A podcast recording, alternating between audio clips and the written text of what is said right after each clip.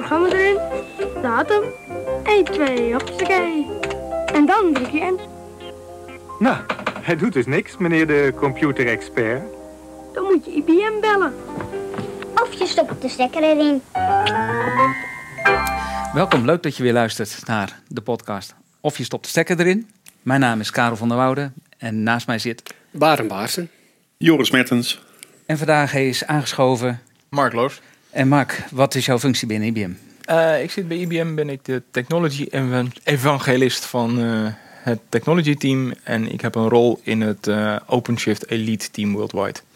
Hartstikke leuk dat je aan bent aangeschoven.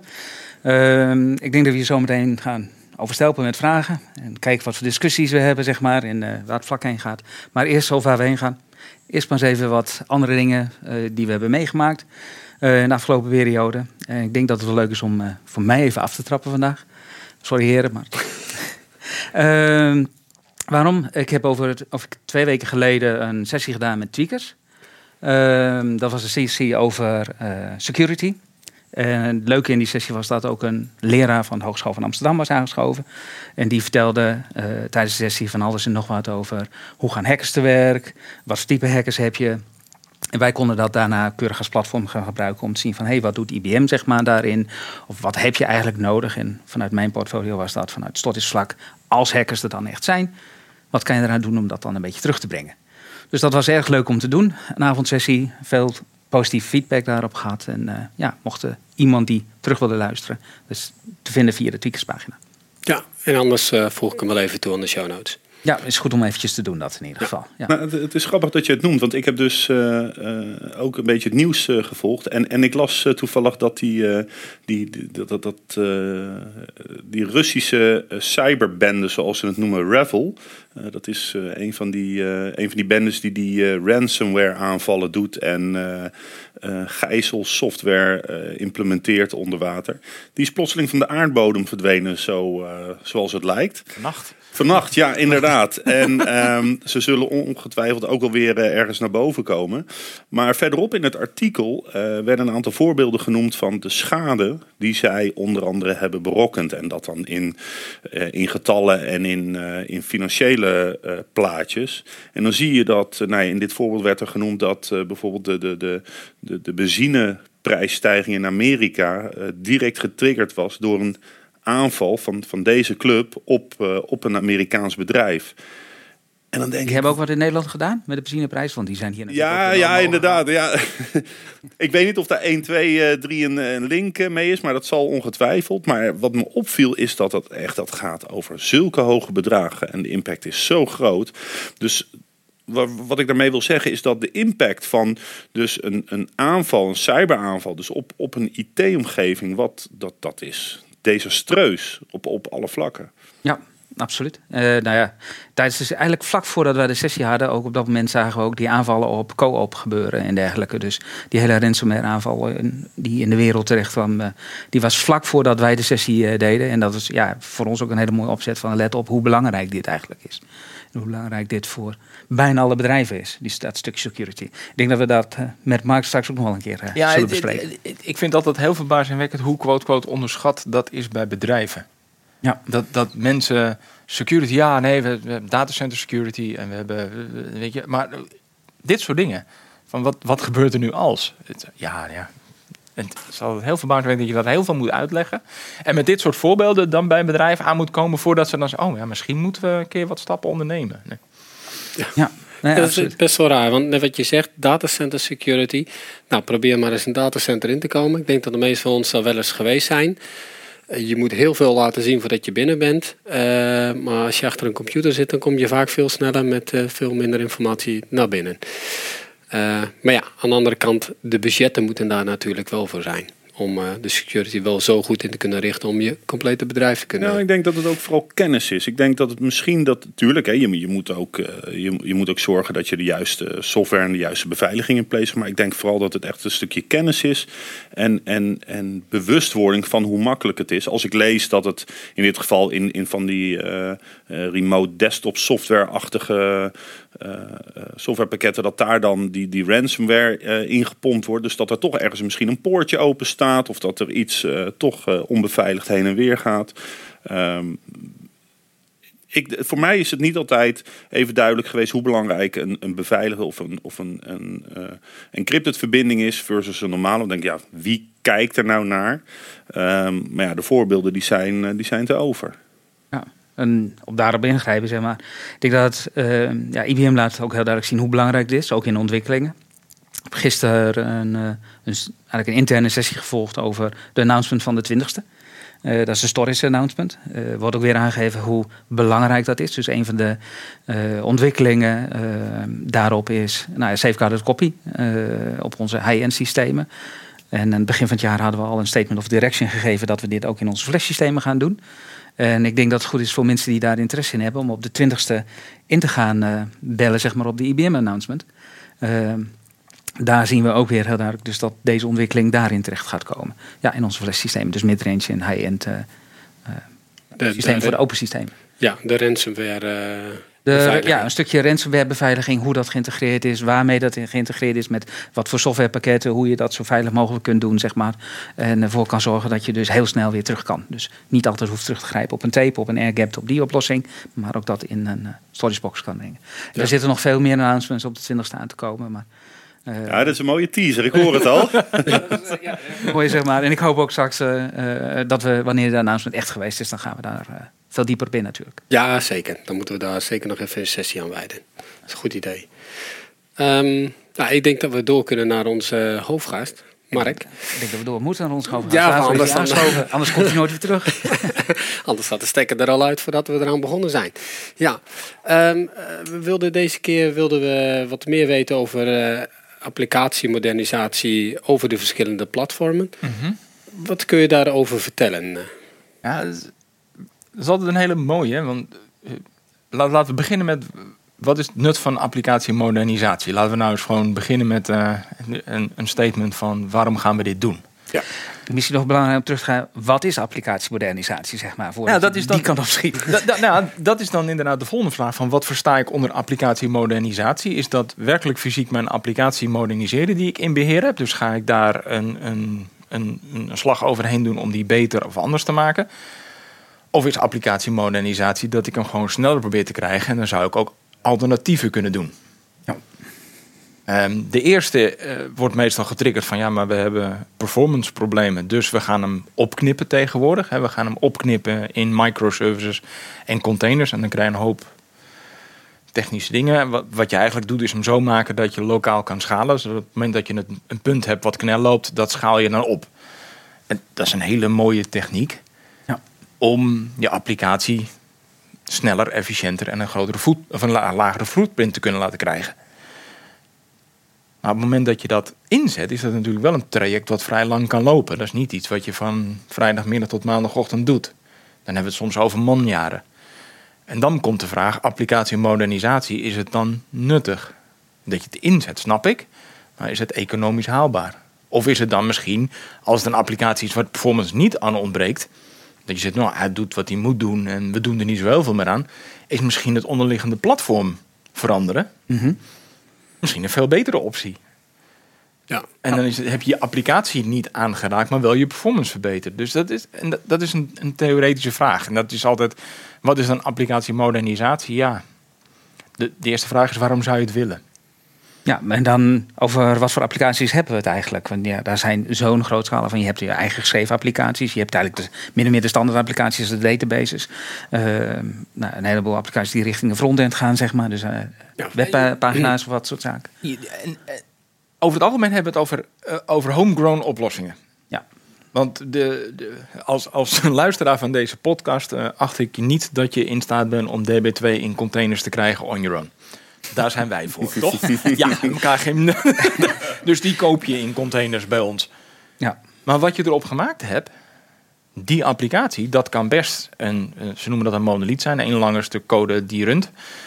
Uh, die applicaties daarover, die ga je moderniseren om het efficiënt te maken. Je ziet dat leveranciers, of het nou IBM is, of SAP, of Microsoft, noem ze maar op die gaan richting die containers. Dus die schaalbaarheid en die verplaatsbaarheid. En dat laatste is waar de modernisatie zijn, zijn kracht bewijst.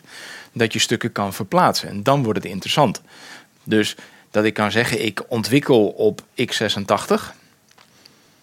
Maar ik kan het laten runnen op een power of een Z. Ja. Want dan heb ik de quote-quote cheapness, de goedkoopheid van een x86 ontwikkelmachine in de cloud ergens. En ik kan hem dan op een, desnoods in de cloud op een power VAR laten draaien. Want dan, dan heb ik gewoon de performance die ik nodig heb voor mijn applicaties. Ja, maar dus eigenlijk als een klein stuk terug. Een heel belangrijk statement is applicatieontwikkeling, of tenminste applicatiemodernisatie, doe je niet omdat je het moet doen, want de hele markt en iedereen doet het. Maar je doet het eigenlijk omdat het economisch rendabel voor je zou moeten zijn, zeg maar, om het te gaan doen. Ja, het, maar goed, dat is een, dat is een theoretische vraag. Hè? Maar mijn, mijn stelling daarin is, heel, is, is het heel duidelijk. Mijn eerste vraag aan een, aan een, een CIO of een CTO is, is waarom? Ja. En niet omdat ik hem niet geloof, maar waarom doe je dit? En als het antwoord is, ik moderniseer voor het moderniseren, dan moet je je af gaan vragen of het nuttig is. Want dan is er kennelijk geen nijpende reden binnen het pand waarom die applicatie sneller, schaalbaarder, uh, die zit klem op een oude platform niks van die onderliggende reden waarom je er eigenlijk aan zou willen zitten. Dan alleen maar we gaan moderniseren voor Omdat het een trend is. Omdat het een trend is. En uh, vroeger gebruikte ik het voorbeeld: je gaat ook niet verhuizen voor verhuizen. Maar met de huidige woningmarkt lukt je dat niet meer. Maar het, het is wel zo. Je, doet je, je doet iets omdat het een reden heeft.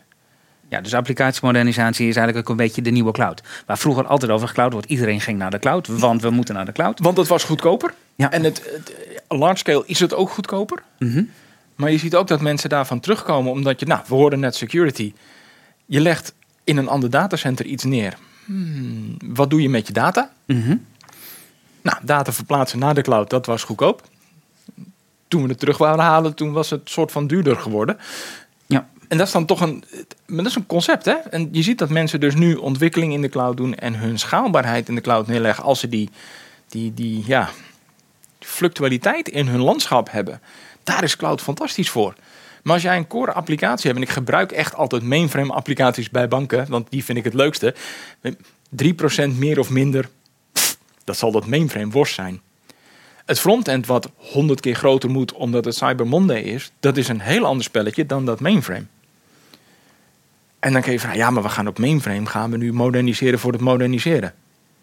Ja, leuk. Onze developers vinden het fantastisch, hè? die staan vooraan. Maar die, die komen. Ja, maar dat kan soms ook het trekken natuurlijk zijn. Hè? Dat je die developers zoekt die jouw applicatie moeten ontwikkelen. Maar dan heb je een economische reden. Want dan wil je een groep mensen aan je bedrijf binden waarmee je het statement naar buiten We zullen dan een bank nemen. In de, wij, hebben, wij doen modernisatie op alle vlakken.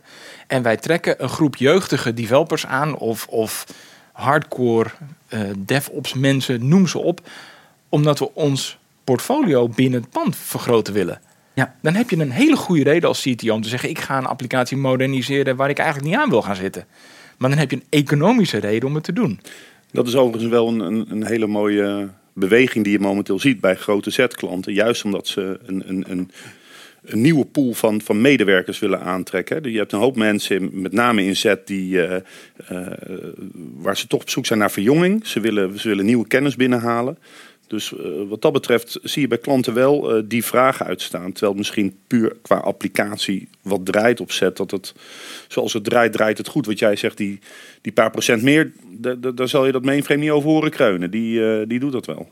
En, en je ziet ook wel dat, uh, en dat is een grappig iets wat ik zie, maar ik, als jullie het ook zien, hoor ik dat graag, is dat je wel meer mensen richting mainframe en power ziet gaan van developers. Ik bedoel, we zijn twintig jaar bezig geweest om GUI's te ontwikkelen en ik kan niet bij een developer achter zijn bureau staan of ik zie een terminal. en toen dacht ik, goh, daar twintig jaar geleden ook, waarom hebben we al die effort erin gestopt? Maar je ziet dat weer terugkomen. En je ziet ook dat een platform wat vroeger een mainframe was, quote quote stoffig, oud, hoekje, oude mannen, geitenwolle sokken, dat, dat, al die dingen kan je door, dat daar steeds meer mensen toch naartoe trekken vanwege het feit dat het zo robuust is. En vanwege het feit dat we tegenwoordig dingen als OpenShift erop kunnen draaien, waardoor we de containers op kunnen draaien, waardoor we ineens high performance, high secure dingen kunnen doen zonder dat we dat in programmatuur hoeven op te lossen. Mhm. En dat is een, is een mentale klik die we zien op de universiteiten al komen van ja, maar ik wil eigenlijk alleen maar bezig zijn met mijn applicatie en niets eromheen. Ja, precies. Want dat was precies de vraag die ik je net wilde stellen. De echte developers van nu, die willen die terminal en die willen schrijven, testen uh, en een eindproduct zien. En waar het op draait, who cares? Nou ja, who cares? Uh, in zoverre who cares. Uh, het is natuurlijk helemaal hip en happening om, om, om ergens op te landen. Ja. Maar je ziet dat uh, waar vroeger mensen hun architectuur bedachten met alles eromheen, de, de hardcore developer nu die cloud gewend is, en die gaan we maar gewoon hardop noemen, die koopt spullen. Want die maakt een applicatie, ik heb een database nodig, klik die. En dan is niet de vraag, is het de beste, is het de duurste, is het de meest efficiënte? Nee, deze is voor mijn toepassing het beste. Die kan ik het snelst gebruiken, aanklikken en gebruiken. Niet meer over. Dus je zie je heel erg focussen op, op core apps en op hun core.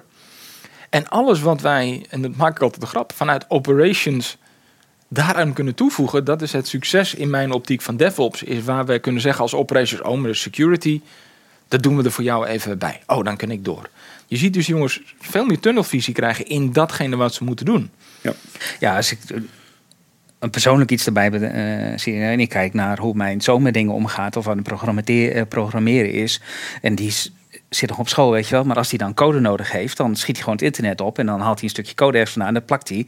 En hij weet wel ongeveer wat erin staat, maar hij haalt niet alle lijnen eruit, zeg maar. dus het is ook heel gemakkelijk om dingen maar aan elkaar toe te voegen. En waar blijft dan een stukje security? Ja, en, en, maar waar blijft ook de, en de, de creatieve geest van mensen? Want dat is dan wel grappig, want dat is hoe ze...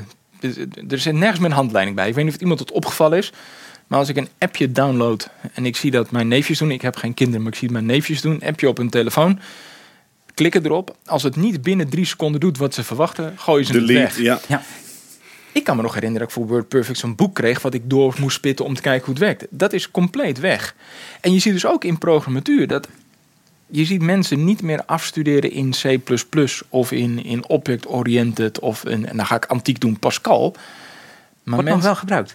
absoluut. ADA ook. Ik ben ontzettend fan van ADA. maar wat je ziet is dat mensen afstuderen in hoe bouw ik een applicatie en dat programmeertalen een dialect vormen van die bijna abstracte kennis. En een jaar of twintig geleden zijn we ooit eens begonnen, volgens mij waren wij dat met een pseudo-programmeertaal binnen IBM. Van dit is wat de blokken moeten doen. En de blokken krijgen hun eigen invulling van nou, dit is een stukje wat veel beter kan in Node. En dit is een stuk wat veel beter kan in Java. En deze hele, en nu gaan we toch antiek praten over COBOL en Fortran, rekenwerk, doen we daarin, want dat gaat honderd keer sneller dan dat ik het. Dus je ziet dat mensen die keuze krijgen. En dat is de, het mooie van de containergeneratie die er nu is. En, en, want je kan nu inzetten daar waar je het voor nodig hebt. En dan zie je die visie komen van die mensen. Ja, ik gebruik deze taal, want het is het meest efficiënt hiervoor.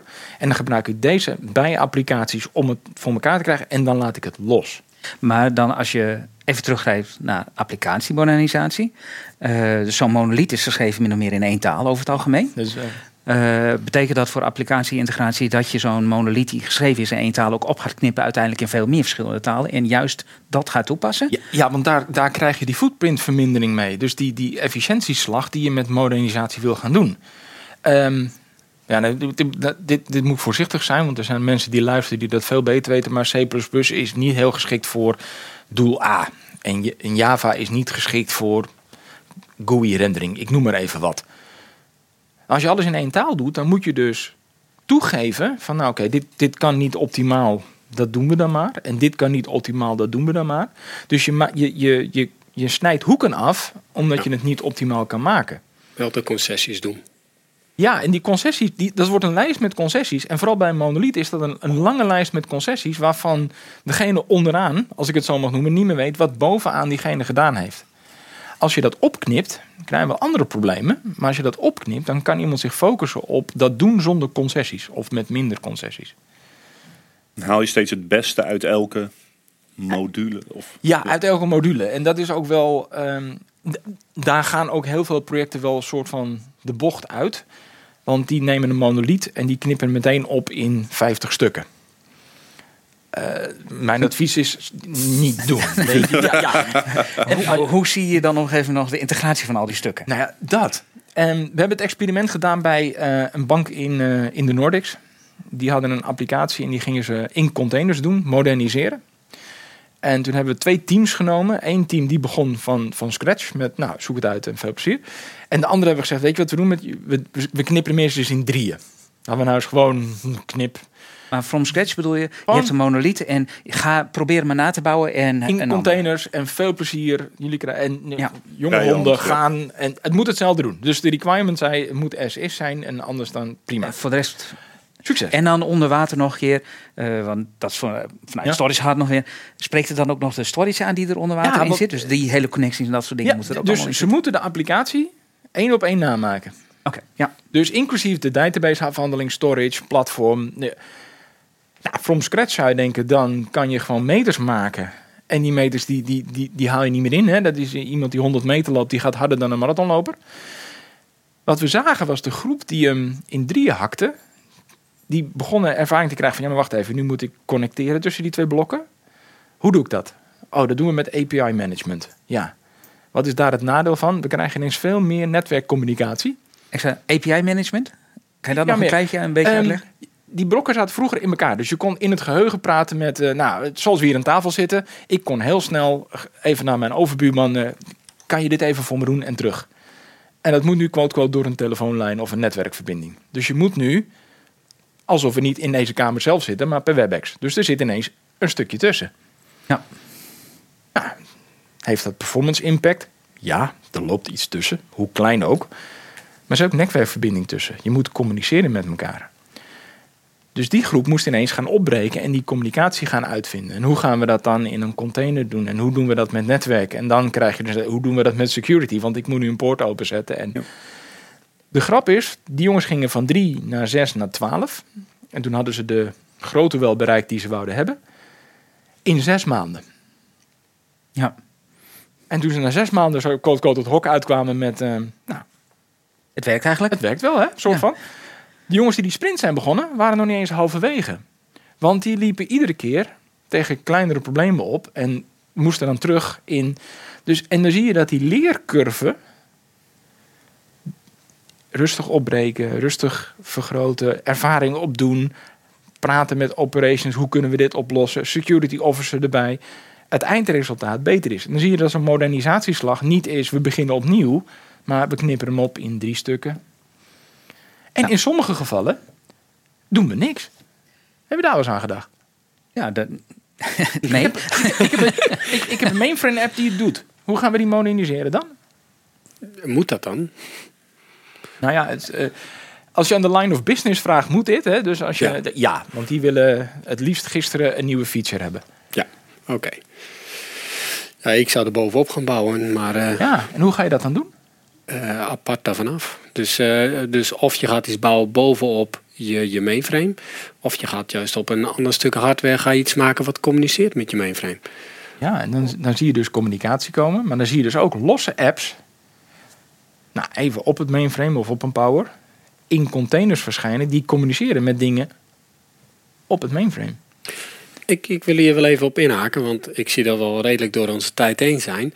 Maar dit is juist een heel mooi punt om ook nog even een keertje over, uh, over te spreken.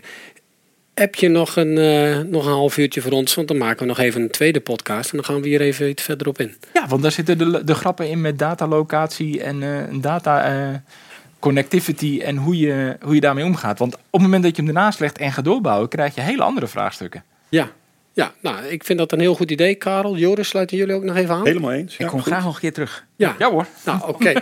Okay. voor of wij zitten voor, hè, dus ik moet teruglopen. oké, nou, dan, uh, dan, dan, sluiten we hem hier eventjes bij af. Ik, hoop dat je er weer veel van geleerd hebt. Uh, bij deze, tot de volgende keer. En we gaan weer even verder met Marek in een volgende podcast. Ja, wat mij betreft is het van harte welkom. Dus. Ja, zeker. Zeer interessant. Ik trek de stekker er hieruit.